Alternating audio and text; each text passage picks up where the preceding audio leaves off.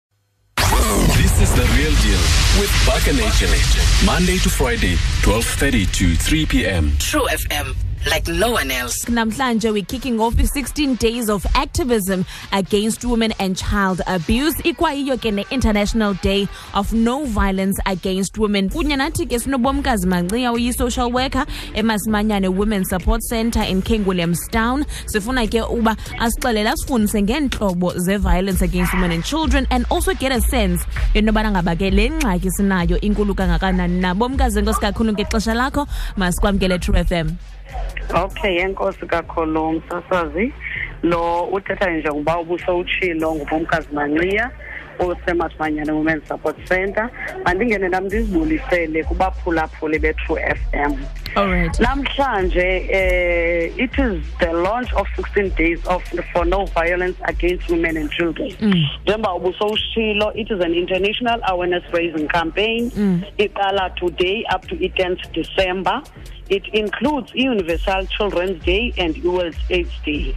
Mm. I-South Africa ke yaqala ukuyi-adoptha le awareness ngo-1988.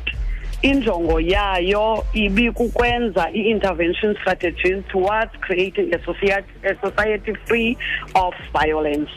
Mm. and icampaign lena iyaqhuba ekutheni abantu bonke basesouth africa bayibone imthelela othi wenziwe yi-gender based violence all right i-gender based violence ke sisibomkazi yintoni ubuno sicacisela nje qabaqaba okay i-gender based violence lolunye uhlobo oluthi oluqhubekayo kwiisosayethi zethu oluthi luhlukumeze i-human rights kubantu basemzantsi mm.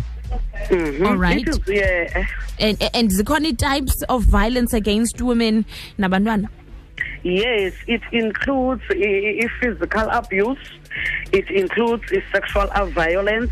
It includes psychological violence and emotional uh, violence. All right. And in terms of ndifuna nje ukhe sithethe nje gqabagqaba ngale ndawo yabantwana. Eh umntana ukum abuser I can I, I, I know into yobana ngana xa umbetha uyam-abuse but i-neglect yabantwana ingena njani into yobana i-child abuse okay i-neglect yobana abantwana ube uyamsho iba mayibe i-child abuse setheni umntana once umneglect iyam-abusa laa nto psychologically mm.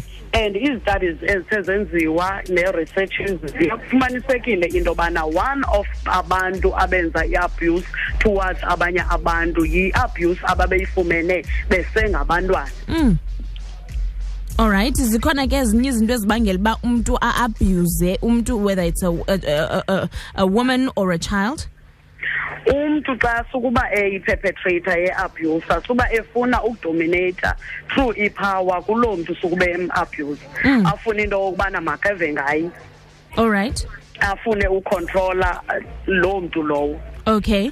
And in terms of sexual violence as well as emotional violence, into into ebangela uba um loo nto yenzeka qha mhlawumbi masiqale siyidefine yintoni i-sexual violence yintoni i-emotional violence yintoni ibangela uba umntu aperpetrate i-sexual violence ndingathi xa ndithetha ngayo ndingaquka nodlwengulo lukhona phakathi nokubana umntu ufumaniseka into yobana uzawuphatha umntu ngokomzimba wakhe kungekho sivumelwano mm. that is sexual violence into ebangela uba makwenzeke ezo zinto ezo ufumanisa into yobana omnye une-anger towards amantombazana mhlawumbi wa wadisappointwa by i-girlfriend yakhe so azixelele into yobana uzawukwenza aviolate ii-rights zabanye abantu sexually mm.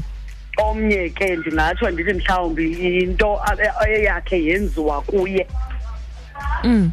so ufuna ke ngoku ukuvisa nabanye abantu ubuhlungu obu naye wayebuvisiwe okay and in terms of i-relationships okanye emitshatweni emakhayeni iye yenzeka into yobana umntu avayolethwe sexually ngumntu amaziyo amthandayo okanye aba bantu baye bavayelethe abantu kunyanzelekile uba ibe zizistrangers ha-a njengoba besenditshilo kuwe ndathi uyafumanisa into yokubana xa sithetha nge-sexual violence okanye sexual abuse kukuphathwa kakho gadalala ngumntu emzimbeni wakho mm.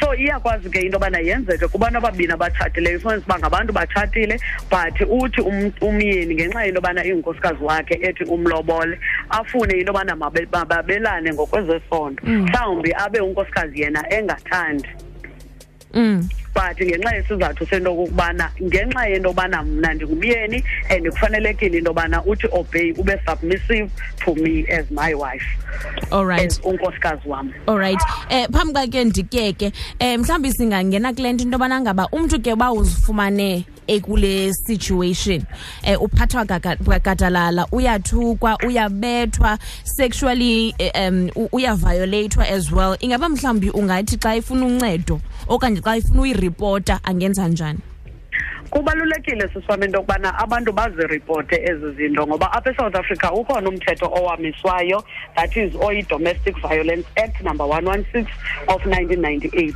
apho siquka khona ekutheni umntu akwazi ukuaplayela i-protection order efumaneka kwii-police stations ezikufutshane naye umntu okanye uye nakwii-victim empowerment organizations ezifana nezi zethu zingoomasimanyana Mm. so that uzokwazi ufumana uncedo ikwazi ukunqandeka ingekakwazi ukunwenwa ngoba xa sithetha ngeviolence yinto apha engumbulalazo iyakwazi into yobana iafekte nefamily as a whole mm. xa mm. inguwe uvioleyithwa nabantwana bayaxhaphezeleka which is iya intertwina all right Alright, sisibomkazi enkosi kakhulu ke ngothatha ixesha lakho to talk to us namhlanje as we launch 16 days of activism sithi ke eh, ningaqhubekeka ngomsebenzi omhle liwenzayo emasimanyane women support center um because we really need into bana i-conversations ezifana nezi sibe nazo on a regular basis enkosi kakhulu ngexesha lakho okay enkosi kakhulu wethu siswam eh endingakutsho nje okokugqibela ndingatyanga ixesha lakho